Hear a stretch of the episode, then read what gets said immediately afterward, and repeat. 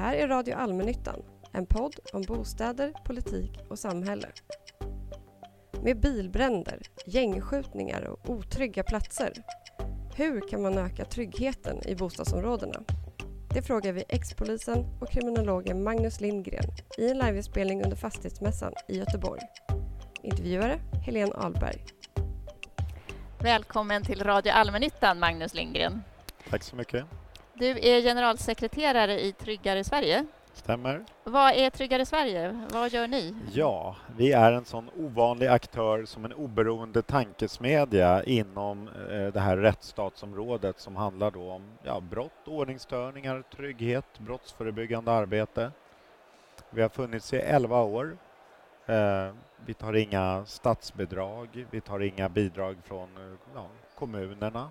Utan, eh, Vad vi, lever ni på då? En relevant fråga. Eh, när vi bildades för 11 år sedan så sa vi det att eh, vi ska vara eh, oberoende, vi värnar om vårt oberoende så att vi tar alltså inget statligt eller kommunalt pengar utan vi jobbar med näringslivet men vi tar aldrig mer än 100 000 per företag och år. Eh, så att vi jobbar med näringslivet utifrån ett hållbarhets-CSR-perspektiv. Och sen har vi också mer och mer kommit att hjälpa företag och kommuner att utveckla och professionalisera sitt arbete som icke vinstdrivande konsulter. Så på så sätt så får vi in medel till vår verksamhet. Okej. Okay. Och hur hamnade du i det här? Vad har du för bakgrund så att säga? Vad gjorde du i livet före detta? Ja, eh, jag brukar beskriva mig själv som en prakademiker. Internationellt pratar man faktiskt väldigt mycket just nu om det här med prakademiker och prakademi. Mm. Jag är ju dels akademiker i den meningen att jag är kriminolog och doktor i psykologi. Men jag är också praktiker för att jag har jobbat inom eh, polisen sedan början av 90-talet. Eh, som, som först civilanställd polis och som chef inom polisen. Så att jag lämnade då både akademin och polisen kan man säga för 11 år sedan för att jobba heltid då med den här oberoende tankesmedjan Stiftelsen Tryggare Sverige. Om man då går ner på bostadsområdesnivå som är lite intressant för oss då. Vad, vad, kan bostadsbolagen göra för att få, få ett tryggare område? Eller, eller, vilka aktörer är det som ska göra någonting? Så att säga? Och vad ska man göra? Mm. Ja, en viktig fråga som vi då från stiftelsen hamnar i ganska tidigt, det handlar just om den fysiska utformningen av det offentliga rummet, våra bostadsområden och så. Eh, och då kan vi konstatera att eh, vi ser att en bidragande orsak till hur det ser ut som det gör i Sverige idag, det är faktiskt till viss del den fysiska utformningen av vissa av våra bostadsområden. Och, och ska man hårdra det så menar ju vi då att i 5000 år så beaktade man faktiskt säkerhets och trygghetsfrågorna. För det var nödvändigt för städernas och bostadsområdenas överlevnad.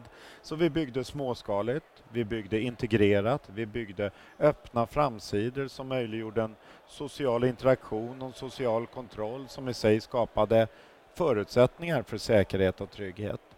Men i samband då med modernismens intåg, framförallt under 60-talet, 70-talet när vi skulle bygga mycket för många på kort tid så vände vi upp och ner på det där. Och vi byggde ABC-städer, eh, vi byggde eh, stängda framsidor, öppna baksidor och vi byggde storskaligt.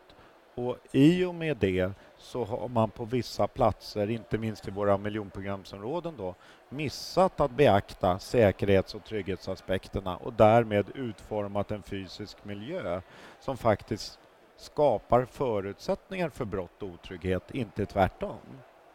De storskaliga miljöerna, de har vi ju redan. Liksom, man måste väl arbeta då inom dem? För det är svårt att tänka sig att man ska riva alla... Ja, nej, men det går ju att göra. Vi menar ju då att dels har ju vi, kommer vi nu här i, i, till hösten 2019 fram en ny de facto-standard som heter Bo tryggt 2019 som handlar då om att hjälpa Eh, utförare och beställare att göra medvetna val när man eh, planerar och bygger nya skolor, bostadsområden, offentliga rum.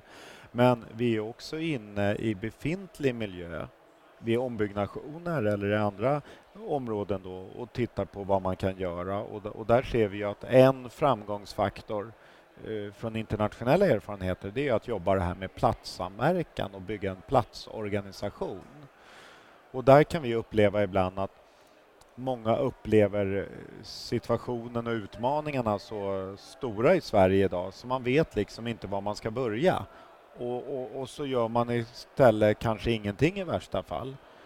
Men hur äter man en elefant? Jo, man äter en bit för bit och på samma sätt så kan man vända den här negativa utvecklingen som vi har i många bostadsområden med brott och otrygghet genom att utgå från platsernas behov och möjligheter och på det sättet samla de aktörer runt en brottsbelastad eller otrygg plats och successivt ta tillbaks den här platsen genom att programmera platsen, jobba med trygghetsfrågorna.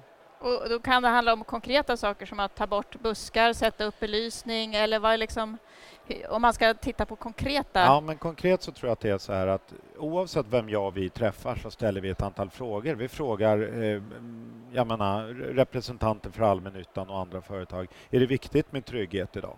Alla svarar ja, för trygghetsfrågan har singlat upp som den enskilt viktigaste frågan. För det är ett av våra största samhällsproblem, som inrikesministern säger. Eh, och vi frågar också då, men jobbar ni där med att öka tryggheten i ert företag, i er kommun? Alla svarar ja.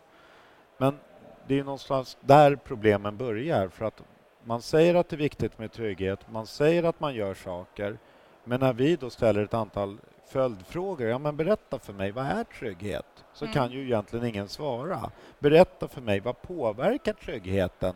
Så vet ingen vad som egentligen påverkar. Och framförallt så har man inte svaret på sista frågan som vi brukar ställa, som handlar om, men hur följer ni då upp alla de insatser som ni gör och mäter?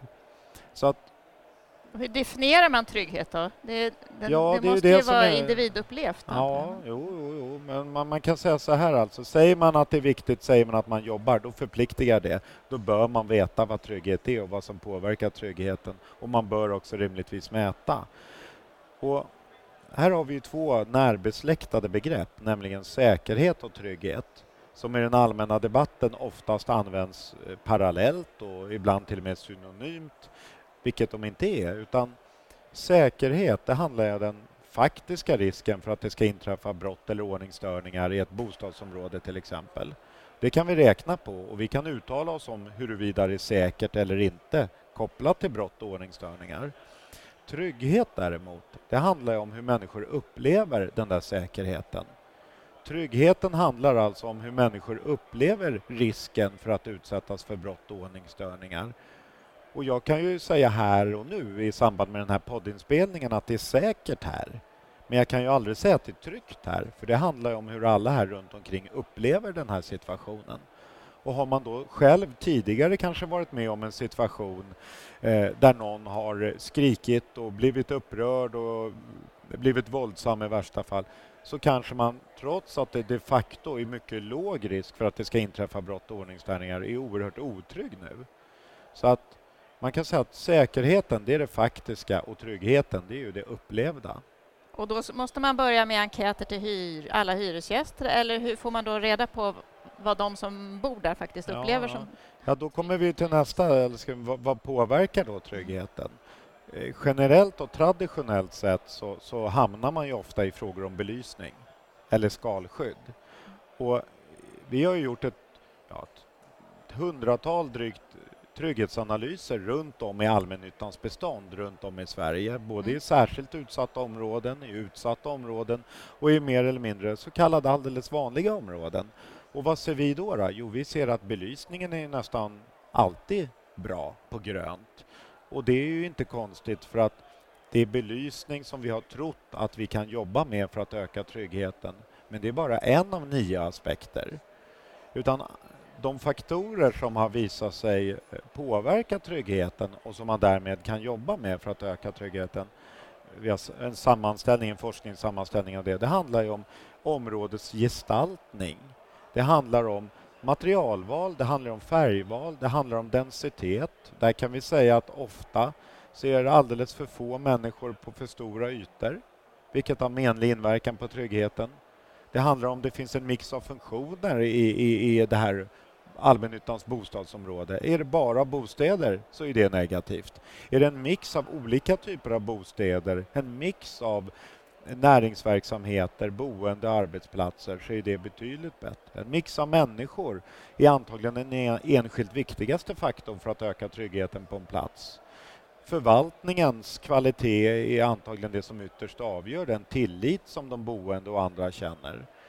Men också information och tydlighet och social kontroll är de här nio aspekterna som påverkar tryggheten. Och på frågan då hur man mäter det här så vi gör ju som sagt trygghetsanalyser på uppdrag av många kommuner och många allmännyttor och där går ju vi ut och tittar då på de här nio faktorerna. Experter från oss, män och kvinnor, besöker ett bostadsområde olika dagar, olika tider på dygnet, män och kvinnor, för att se hur de här nio olika faktorerna då påverkar. Vi gör intervjuer med boende, med näringsidkare, kommun, polis med flera. Och utifrån det så kan vi se då vad är problemet?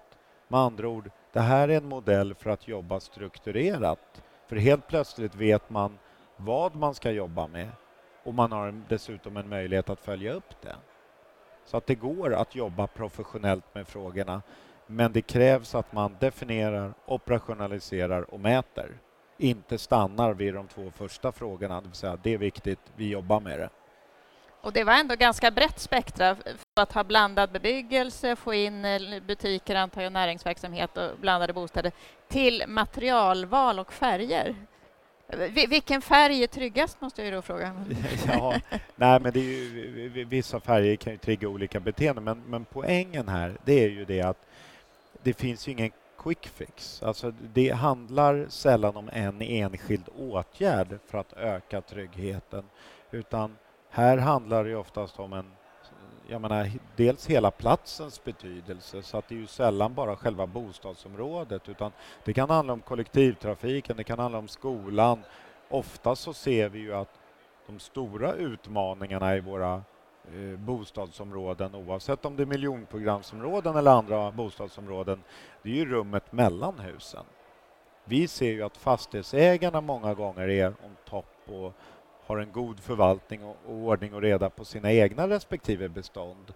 Men när det kommer till rummen mellan husen, det är där problemen uppstår. Det är där frågor om roller och mandat och befogenheter och ansvarsfördelningar många gånger inte är utklarade. Och det är parkvägarna emellan, där ingen riktigt äger? Liksom. Ja, där ingen riktigt äger och där vi gör ju mängder med trygghetsvandringar i områden med ofta då alla fastighetsägare och kommun och boende med och, och, och, det är ju mer regel än undantag att man hamnar i, i käbbel eh, eh, eh, eh, om vem som egentligen äger en plats. Så att det är klart att inte det utklarat så är det inte så konstigt att den där platsen kanske inte förvaltas i den utsträckning och tas hand om i den utsträckning som man faktiskt måste. För där vet vi ju det att ett dilemma i samhället idag det är ju att det tenderar att diskuteras mycket kring terrorhot och våldsbejakande extremism och den grova organiserade brottsligheten. Fullt naturligt med tanke på det nya Sverige och de utmaningar vi har. Men tittar man på det som vanligt folk så att säga alltid lyfter fram som de stora problemen i enkätundersökningar och i dialoger så är det ju helt andra typer av brott och ordningsstörningar. Det är ju killgäng som skrenar och skriker. Det, det, det är klottrare, misslyckade konstnärer som har varit framme och förstört eh, miljön. Det handlar om eh, eh, moppar och bilar som åker fort i bostadsområdena. Och där har vi ett problem idag, för det pratar egentligen ingen om. Och ännu färre arbetar med den typen av livskvalitetsbrott som framförallt är det som påverkar människors trygghet i vardagen. Så där krävs det nya idéer och nya lösningar. Och där tror jag faktiskt att polisen är en mindre viktig aktör. Pratar man om vem har den viktigaste rollen i det sammanhanget så är det faktiskt just näringslivet, så är det just säkerhetsföretag, det är antagligen fastighetsägare som är mycket, mycket viktigare än aktörer som polis och kommun i det avseendet. Men det är den här slitna gamla termen samverkan då? Bostadsbolagen ja. måste jobba ihop med skolan, polisen, Jo, fast den där tiden är över tror jag. Ja. Alltså, hur många år har vi inte pratat samverkan i Sverige? Ja, man, ja, man blir lite trött av det ordet. Nej, precis. Jo då. Och, och, och, eh, jag var ju enhetschef inom polisen tidigare och eh, jag gick ju så långt eh, så att jag förbjöd kaffe och bullar på våra möten. Som en gimmick. Vi hade grönt te och rågmackor. Jag var så förbannat trött på den här samverkan och retoriken om samverkan. Det är som Djurgårdens fotbollslag ungefär. Eh, de är inte särskilt bra på att spela fotboll. De har anfallare som inte kan göra mål, backar som inte kan eh, utöva högpress, mittfält som springer runt som yrahöns och en målvakt som inte räddar bollar. Hur ska det där laget börja vinna matcher genom att de här lagdelarna ska samverka bättre? Det är så att säga sekundärt. Först måste man ha en, en målvakt som räddar bollar, sen måste man ha backlinje som utövar hög press etc. Med andra ord, samverkan är sekundärt. Först måste de olika aktörerna göra det de själva ska. Och där har vi väl egentligen problemet idag. Man försöker så att säga gena där och lösa problemen genom samverkan när grundproblemet är att vi har aktörer som inte tar ansvar för det de själva ska idag. Men en ny form av samverkan som för mig och oss står för det nya, det är ju det vi kallar för platssamverkan där man då pratar internationellt om Business Improvement District eller Transport Improvement District eller Community Improvement District.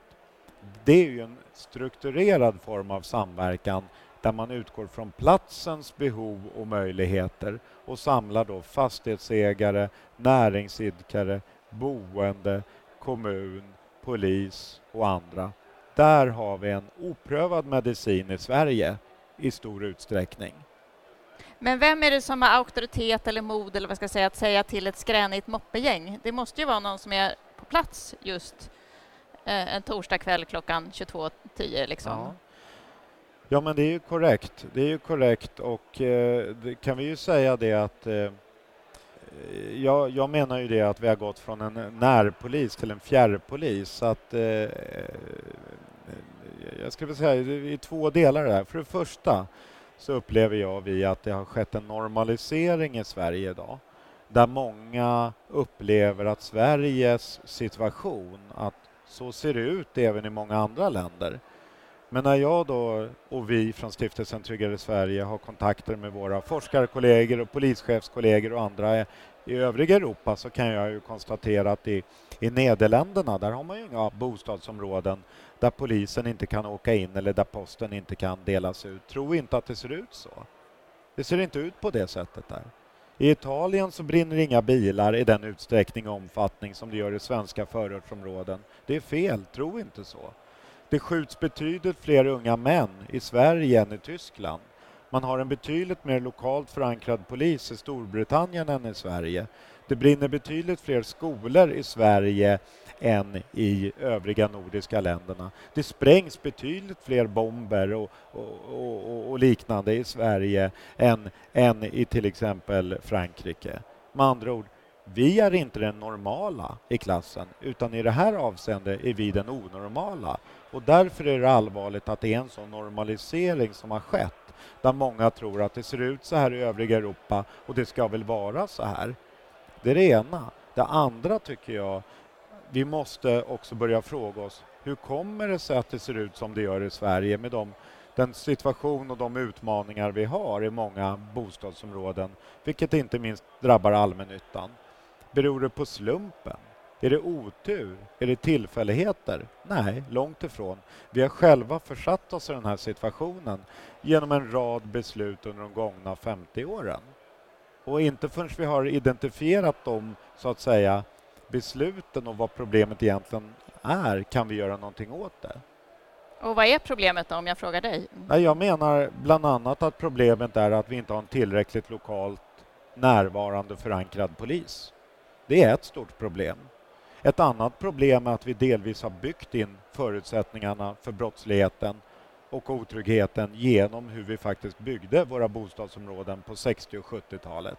Ett annat problem är den narkotika som vi har, där mantrat om ett narkotikafritt Sverige eh, har gjort att vi inte har angripit problemen på ett annorlunda sätt, där vi har enorma mängder narkotika i Sverige idag. Ytterligare ett problem är ju eh, flyktingkatastrofen 2015 där kommunerna saknade förmåga att hantera de 164 000 personer som kom under ett, ett år. Vilket har då ytterligare spett på det här parallellsamhället. Om man då börjar i din första punkt, eh, fjärrpolisen eller vad du kallar det. I min hemkommun så finns det faktiskt ingen polis utan det finns vaktbolag som eh, kommunen köper in. Ja. Väktare som åker runt och ja. med polisiära uppgifter och skjutsar hem fulla ungdomar eller vad ja. de gör.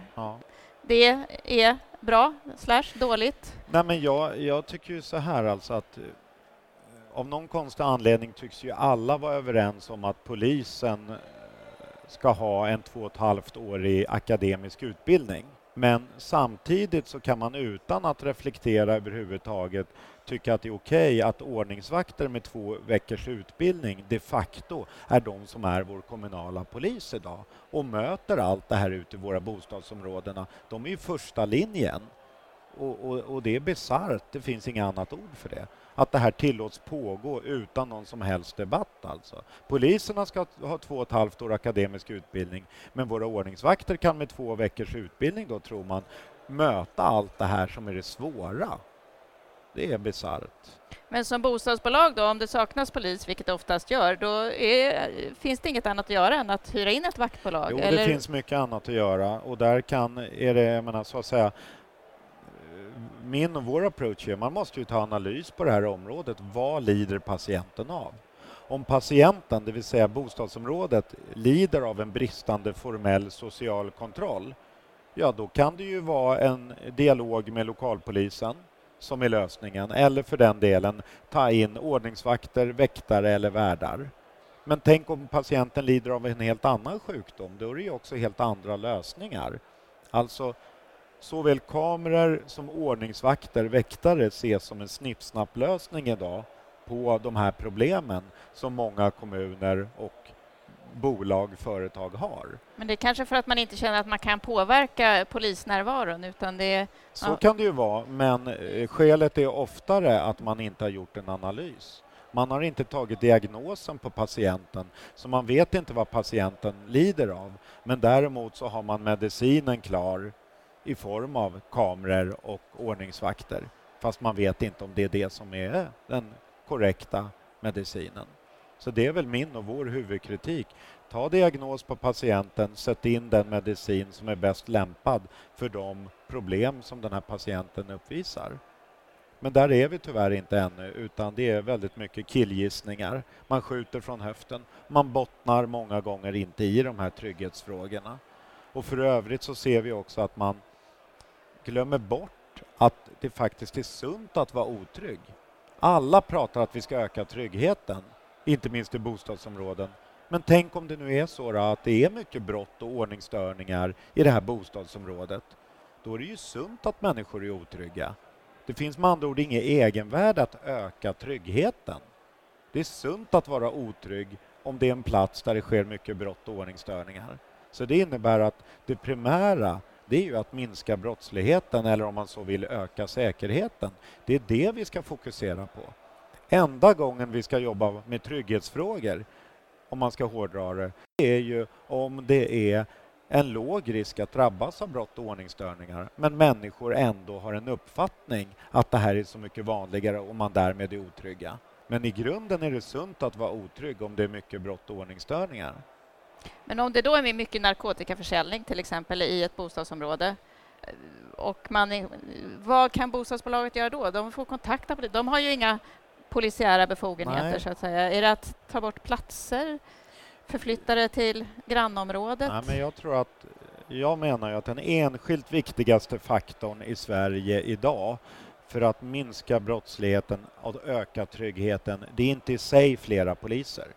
Det är inte i sig hårdare tag, det är inte i sig en ny lagstiftning, utan den enskilt viktigaste faktorn det är att börja titta på platserna, jobba med platserna och utifrån dess behov och förutsättningar jobba med platssamverkan, jobba med platsorganisationer. Och då kan det handla om att, låt säga att det är mycket problem med narkotika på en plats, ja ytterst där så är det ju en polisiär uppgift. Men visst kan den fysiska miljöns utformning bidra till att skapa förutsättningar för att man dealar narkotika just där. Och där kan man ju jobba då som man har gjort på vissa platser med kameror. Flyttar brottsligheten får jag ofta frågan. Ja och nej. Det finns många myter när det gäller brott och otrygghet. En sån myt är ju att brottsligheten bara flyttar om man gör insatser i ett brottsbelastat bostadsområde. Den största delen av all brottslighet, alltså livskvalitetsbrotten, de flyttar inte till ett annat bostadsområde om vi gör rätt insatser på den där platsen. Utan det är ju inte så att en gång kriminell alltid kriminell. Det är inte så att tar du bort förutsättningarna för att kunna begå brott och ordningsstörningar på en brottsbelastad plats så är det inte så att per definition de flyttar någon annanstans. Har vi däremot att göra med narkotikabrottslighet och annan mer organiserad brottslighet då finns det ju ofta ett annat incitament och en annan förmåga. Så stänger man en dörr så öppnar man en annan. Där ser vi en överflyttningseffekt. Så går vi på narkotikan på torget så kanske narkotikahandeln istället flyttar till bakom husen. Men det är ett stort värde bara det, för då påverkar de inte tryggheten i det offentliga rummet i samma utsträckning. Och dessutom, för varje gång vi flyttar den där grova organiserade brottsligheten, narkotikahandeln, så tenderar den att minska något. Det finns skäl till att man står och dealar vid tunnelbanan eller pendeltåget eller bussen. Det finns skäl till att man öppnar en 7-Eleven i det hörnet. Och kan man inte stå där av olika skäl, ja då kanske också förtjänsten och försäljningen minskar och incitamentet. Tillfället gör tjuven och i motsvarande även i andra områden? Så Oerhört väsentligt. Vi har ju i Sverige trott att det enda sättet att minska brottsligheten är att få lite snällare människor som är mindre benägna att begå brott. Men det är ju inte så man har minskat brottsligheten, den anmälda, med 80 procent i New York. Utan där har man ju minskat tillfällena till att begå brott genom att ha fler vad vi kallar för kapabla väktare, poliser, ordningsvakter, en starkare social kontroll men också jobbat med den fysiska utformningen. Och det är därför vi tror och det är därför vi också har startat ett nationellt kunskapscentrum för platssamverkan för att hjälpa kommuner och fastighetsägare att jobba med just platssamverkan som ett sätt att skapa säkra, trygga och attraktiva offentliga miljöer och bostadsområden. Vissa bostadsbolag jobbar ju ganska aktivt då med social kontroll så tillvida att man försöker få hyresgästerna att vara de som är ute och jobbar i bostadsområdena med jackor på ryggen, städar, sköter utemiljön, har samtidigt ett öga på, för man kanske känner att det där är ja, grannens son. Liksom. Så. Är det ett bra sätt att jobba? Det kan vara ett bra sätt. Eh, I Gårdsten, som eh, som bekant är det första av våra särskilt utsatta områden som har plockats bort från den här listan som man inte vill vara på. Där har man ju inte jobbat med en lokalt närvarande polis, för det har man egentligen inte haft där. Och man har heller inte jobbat med ordningsvakter, för det finns många gånger inte förutsättningar för att jobba med ordningsvakter i våra särskilt utsatta områden. De blir uppätna. Utan där har man ju istället jobbat med det som du är inne på, med lokalt anställda. Men man har också lärt sig någonting under resan. Du kan antagligen inte både bo och arbeta i det område, samma område. Men inledningsvis var det ju så.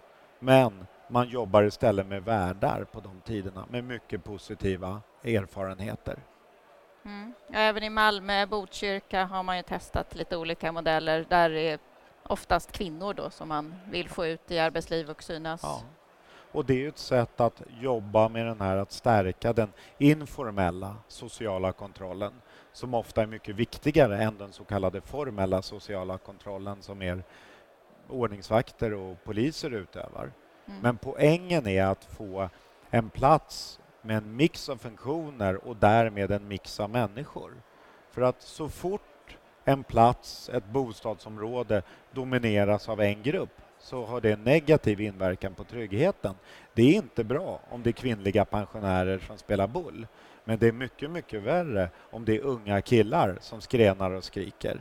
För det som då sker, det är att människor får ett intryck att här är det farligt att vara. Och fler drar sig för att vistas i det offentliga rummet. Fast det är egentligen farligast för unga killar själva. De är väl mest, de rånar varann och slår ner varann och är ganska brottsutsatta.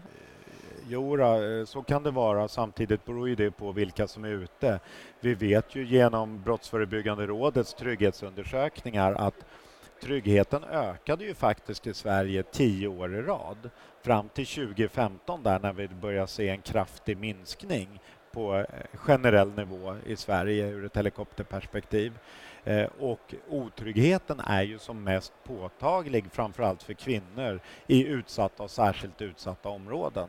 Så det är ju också en grupp som inte är ute. Så jag menar belysning och skalskydd är all ära, men jobba med bostadsområden, jobba med det offentliga rummet, jobba med en mix av funktioner, jobba med att säkerställa att det är en mix av människor på en plats.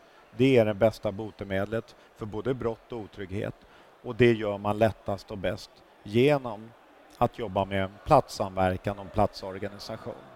Och hur får man till en mix av, det måste ju vara det svåraste, en mix av människor som rör sig eller i ett område? Nej, jag skulle säga så här, låter vi platsen styra oss så är det svårt, så som vi ofta gör idag.